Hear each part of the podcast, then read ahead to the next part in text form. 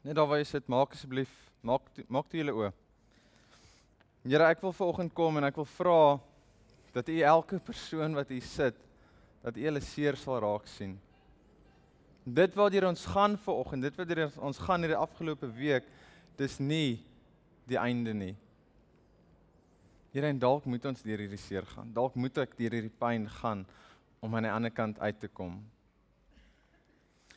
Maar Here, vanoggend kom ek en ek sê dankie. Dankie dat ek weet U los my nie alleen in hierdie tyd nie.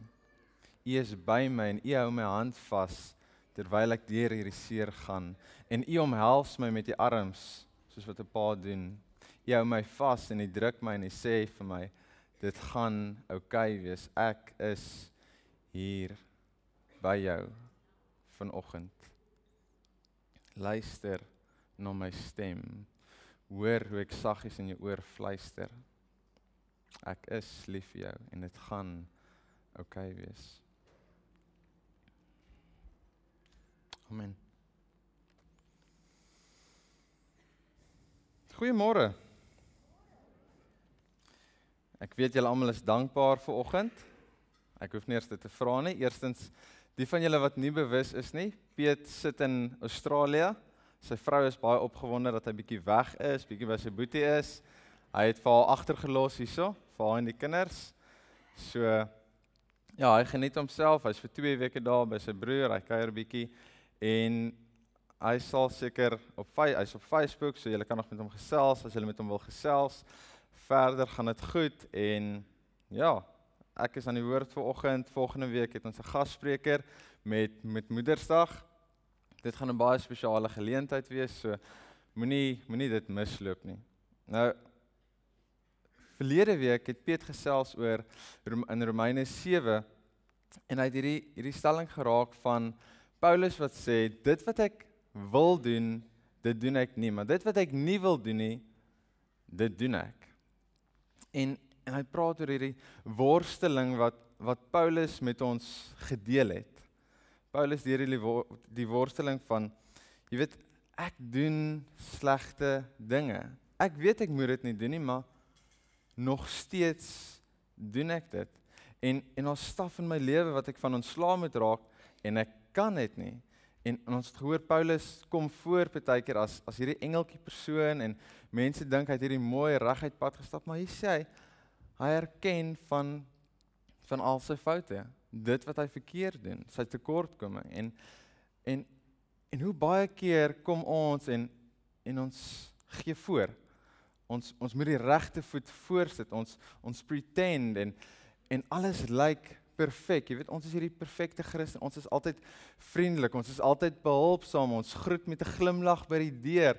Ons ons oordeel nie ander mense nie. Daar waar ons kan kan help vir iemand, daar help ons en jy weet, soos wat 'n goeie Christen mens om dit betaal. En, en net nou die dag hoor ek hoe iemand ons is in 'n gesprek en En hulle sê hulle stop die gesprek self en hulle sê vir die ou: "Sis, Matthys dink nie aan sulke dinge nie. Jy kan nie dit voor Matthys sê nie." En ek ek dink vir 'n oomblik by myself: "Wat dink mense van my? Wat dink mense van my as pastoor? Wat dink mense van van hulle pastore? Dink hulle daar's net 'n 'n klomp rein mooi airy fairy gedagtes wat deur ons kop maal elke liewe dag. Dink dink mense ek is iemand wat jy weet nie oordeel nie, wat wat altyd vriendelik is, wat nooit kwaad raak nie, want jy weet ons spreek mos van vergifnis, ons spreek van liefde. So preacher, you have to practice what you preach. Jy moet dit mos onder die knieë het. En Paulus sê dit wat ek doen, doen ek nie. Of dit wat ek wil doen, doen ek nie. En dit wat ek nie wil doen nie, dit doen ek. Ek het nie alles onder die knie nie. Jy het nie alles onder die knie nie. En dis oukei. Okay. Net nou die dag met 'n wedloop. Ek het baie sleg gevoel na die tyd. Dis hoekom ek nog by my sit. So hier op die einde van die wedloop, so 80 meter van die van die eind eindstreep af, ek wil by in 'n sekere tyd inkom en net soos wat ons so op die gras begin hardloop, dis daar so swart strip daar wat drade toemaak en ek hardloop en so 2 meter voor my. Dis al so ou oom, hy's omtrent so 70 daar rond. En hy val plat op die grond. En jy, jy sê mos gewoonlik ek ek gaan ek gaan die persoon wees wat daai persoon gaan help. Ek gaan stop en ek gaan hom ophelp. En in 2 sekondes gaan nou al hierdie gedagtes in my kop. Jy weet, as ek 'n goeie Christen is, dan dan gaan ek net stop en ek gaan nie oom help. Dan dink ek vir myself, as ek hom nou gaan help, dan gaan ek hom moet help tot die einde toe. Ek gaan hom net op kan help en sê, "Oké okay, oom, ek moet nou hardloop, nie." Ek gaan met rustig wees. Ek gaan saam met hom moet stap want sy bene het gekalf, so so dis uit. Ek gaan nie my tyd kan maak. En derdens dink ek, "Wel, as ek nou wil my tyd maak, dan moet ek nou hierdie oom los en ek moet ek moet go." En voor ek my oë kon uitvee, het ek verby hom gehardloop, ek het einde toe gegaan. Ek het klaar gemaak. Ek is in my tyd klaar wat ek wil wees en ek is gelukkig. En jy sê, "Sis. Sis Matthys, hoe, hoe kan jy dit doen? Dis mos nou net 'n wedloop, dis mos nou net 'n tyd. Jy kon mos maar 15 minute 'n bietjie langer gewees het. Of dan nou nie. Die arme oom, maar ek het omgekyk en ek het gesien mense het hom gehelp, so dis oukei. Okay. Daar het ander hopelik Christene hom gehelp. So dit dit was oukei okay geweest. Maar maar net soos jy maak ek foute. As jy jouself met 'n mes gaan sny, dan gaan jy bloei. As ek myself gaan sny, dan gaan ek bloei. En net soos jy streef daarna om soos Jesus te leef, so streef ek ook daarna elke dag om soos Jesus te leef. Ek quote vanoggend baie vir Philip Yancey so verskoon my, maar is 'n baie baie goeie skrywer. Hy sê die volgende: As I look around en moenie offense vat nie on a Sunday morning at the people populating the pews, I see the risk that God has assumed. For whatever reason, God now reveals himself in the world not through a pillar of smoke and fire, not even through the physical body of his son in Galilee, but through the mongrel collection that comprises my local church and every other such gathering in God's name. This beautiful gesê. God het vir ons gekies om sy verteenwoordigers te wees hier op aarde. Hy verteenwoordig homself nie deur engele of een of ander tipe hemelwesens om sy werk te doen nie. Hy verteenwoordig homself nie meer deur Jesus wat eers in 'n dorpie rondloop nie. Hy kies vir jou en hy kies vir jou om sy werk te doen. Hy kies ons feilbare mense om sy werk te doen. Jy wat die kat knyp in die donker. Jy wat kinderstories vertel om elke hoek en draai. Jy weet, ek kan nie wag om om dit vir my sussie te vertel. Ek kan nie wag dat die ene dit moet hoor nie. Jy wat nie tyd maak vir jou gesin nie. Jy wat vul in. Jy wat God kies vir jou om sy werk te doen, om vir hom te verteenwoordig. En en ek kyk na myself en ek en ek is nie too bad of a person nie. Ek ek kan dit eerlikwaar sê, ek is nie too bad nie, maar ek is ook nie great nie en en ek is nog ver van great af en en ek en ek dink by myself gosh, Here, jy het rarig hierso 'n risiko gevat om vir ons die verantwoordelikheid te gee om vir u te verteenwoordig. Weet, ek verteenwoordig Jesus vir my vrou. As my vrou nou maar kyk, moet sy vir Jesus sien, wat ook al dit is. Ek verteenwoordig Jesus vir my kind wat op pad is. Ek verteenwoordig Jesus vir vir die vreemdeling op straat. Ek verteenwoordig Jesus vir my kollegas. En met alle respek gesê, dink ek by myself, was God by sy positiewe gewees toe hy vir my daai verantwoordelikheid gegee het. Toe hy vir my gekies het om vir hom die almagtige, die heilige te verteenwoordig. En dan dan lees ek hierdie stuk Romeine 8 vers 1 tot 2. En dis Paulus wat praat. Hy sê: Goeie nuus. God se oordeel is vir altyd verby. Vir elkeen wat aan Christus behoort, Dit alles is aan die Heilige Gees te danke. Sy nuwe wet waarborg jou splinter nuwe lewe in Christus Jesus vir my. Die Gees maak my vry van die neerdrukkende wet wat sonde van van die neerdrukkende wet en sonde. Hy breek daardie magte se hou vas op my lewe vir altyd. Weet as dit nie was vir Jesus wat kom sterf het aan die kruis nie, as dit nie was dat hy dood gegaan het, as dit nie was dat hy weer opgestaan het nie, dan was ons nou nog slawe gewees van sonde. Ons was nou nog slawe gewees van die wet. Maar hy het dood gegaan en hy het weer opgestaan en jy is vry. Want Christus is in jou en jy is in Christus. En jy sit hier so met die vraag en jy wonder maar kyk hoe lyk ek? Ek kan niks doen nie. Jy kyk vas in al jou tekortkoming, jy kyk vas in jou sondes en jou verlede en in dit wat jy al gedoen het al die jare en wat jy nou mee besig is, waar jou gedagtes nou ook al dwaal. Hou op daaraan vaskyk. Of as jy dan nou daaraan vaskyk, kyk diep daaraan vas en sien wat jy gedoen het, sien wat jy verkeerd gedoen het, sien hoe jou lewe lyk en as jy kyk, kyk diep genoeg deur dit en sien God se genade raak want jy is vergewe. Jy is vry. Dit wat jy gedoen het, dit waar jy mee besig is, God het jou vrygespreek van dit alles. En ten spyte van al daai goed wat jy gedoen het, is jy vrygemaak. En God het jou gered. Hoe mooi is dit voordat jy geweet het jy het redding nodig. Voordat jy gebore is, het God jou klaar gered. Jy is skoon gewas. Jy is 'n nuwe skepsel in hom.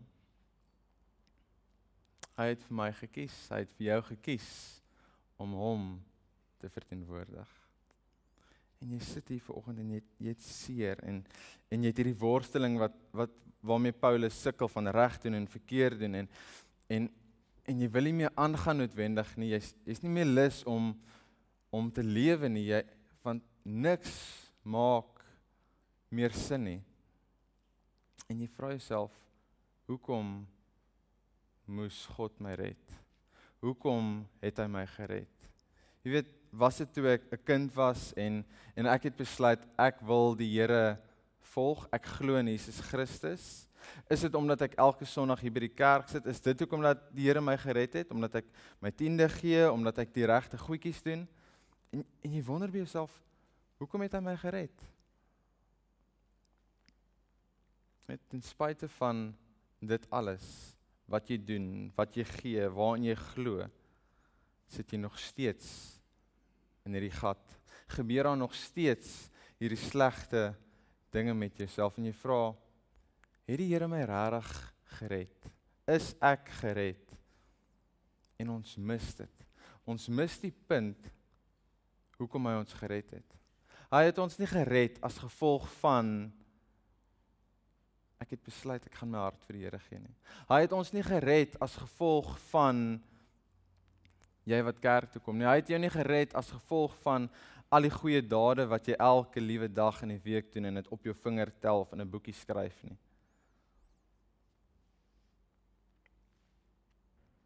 Filippense sê at the heart of the gospel is a God who deliberately surrenders to the wild, irresistible power of love.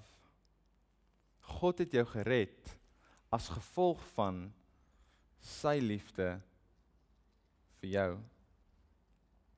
As gevolg van sy liefde vir my, as gevolg van sy liefde vir die ou op die straat.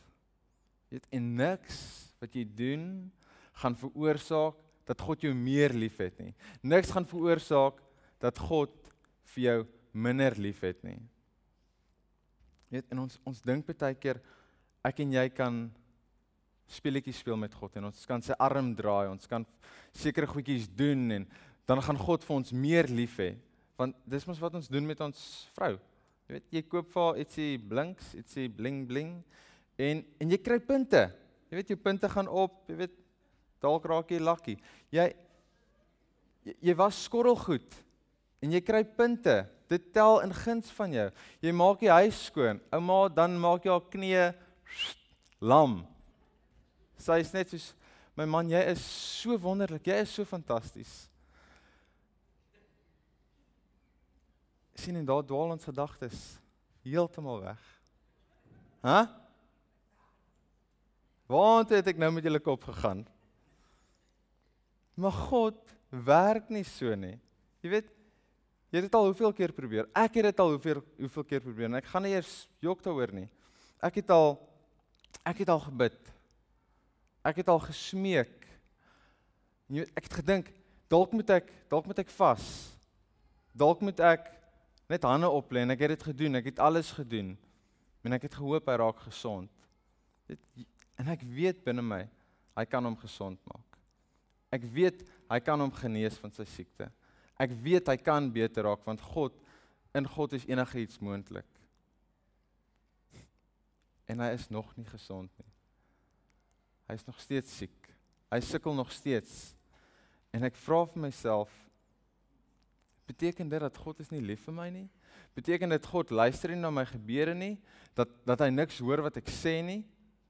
En ek wonder dalk is dit as gevolg van my foute, as gevolg van hoe ek my lewe lei en en my gebede word net afgeskiet en dit word nie gehoor nie want kyk hoe lewe jy?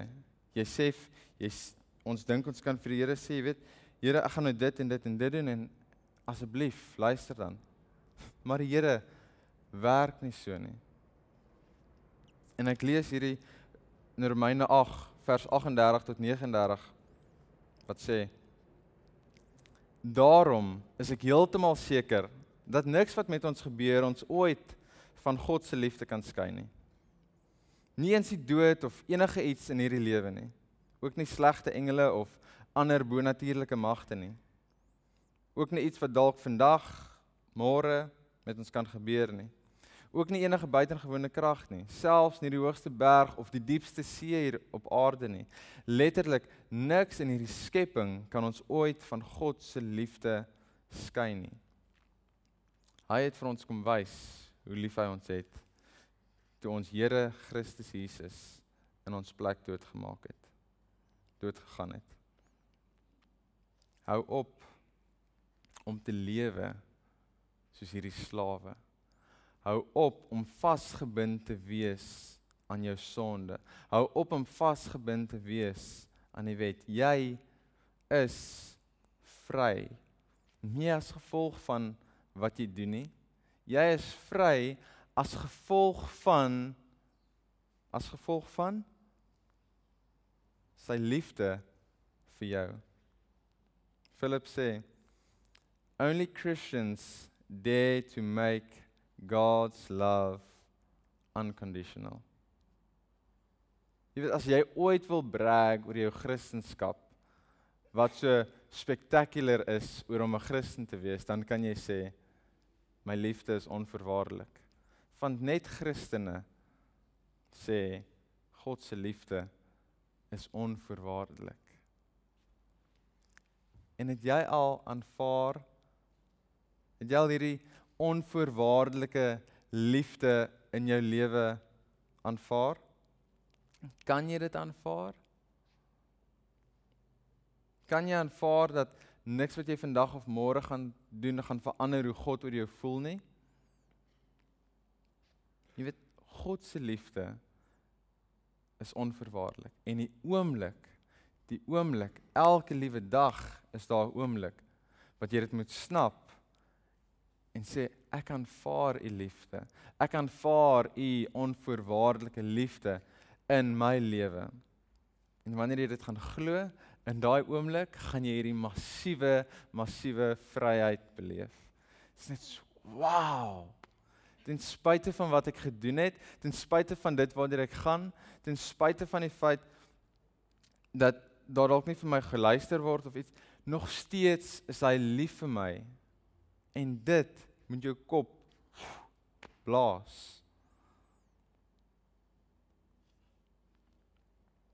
God se liefde is ten spyte van ten spyte van dit wat jy doen, ten spyte van dit wat in jou gedagtes gaan. God se liefde is 'n liefde met geen maar geen voorwaardes. So hou op vingerwys. Hou op vingerwys na jouself toe. En gaan wees onvoorwaardelik lief. Want net soos wat jy vry is in God, so is jou broer vry. So is jou suster ook vry in hom. So is die ou op die straat ook vry in Jesus Christus.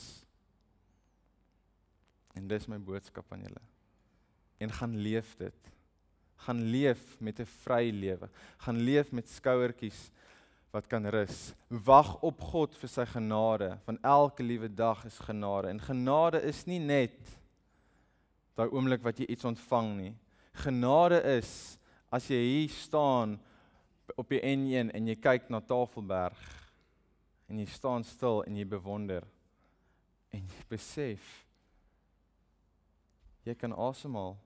Jy besef daai is jou Skepper wat dit geskep het met sy stem. Beleef God se genade en sit terug en ontvang elke liewe dag dit wat hy vir jou gee. Here, vanoggend kom ons na U toe. En ja, Here, dis dis moeilik om om terug te sit en net U liefde te ontvang. Dis moeilik om te dink ten spyte van alles wat ek al gedoen het, is U nog steeds lief vir my. Ten spyte van alles wat ek gedoen het, het U my vergewe. Ten spyte van alles wat ek gedoen het, sit ek nog steeds in hierdie om, goeie omstandighede waar ek sit en nog steeds hou U my hand vas daar waar ek beweeg. Here, ek vra dat U sal kom en ons daai daai klip wat rondom ons hart gebou is, dat U dit sal kom en sal breek. Want as dit nie gaan breek nie, as ons hart nie gaan sag word nie, gaan ons nie U liefde kan laat inkom in ons nie. Gaan U liefde nie deur ons sink en uit ons uitvloei na ander mense toe nie. In Jesus naam, kom en breek hierdie hart van my. Maak hom sag en herstel my sodat ek U onvoorwaardelike liefde kan deel aan my broer, my suster, my vriend, aan die vreemdeling vir wie ek raakloop in die winkel. Ek bid dit in Jesus naam. Amen.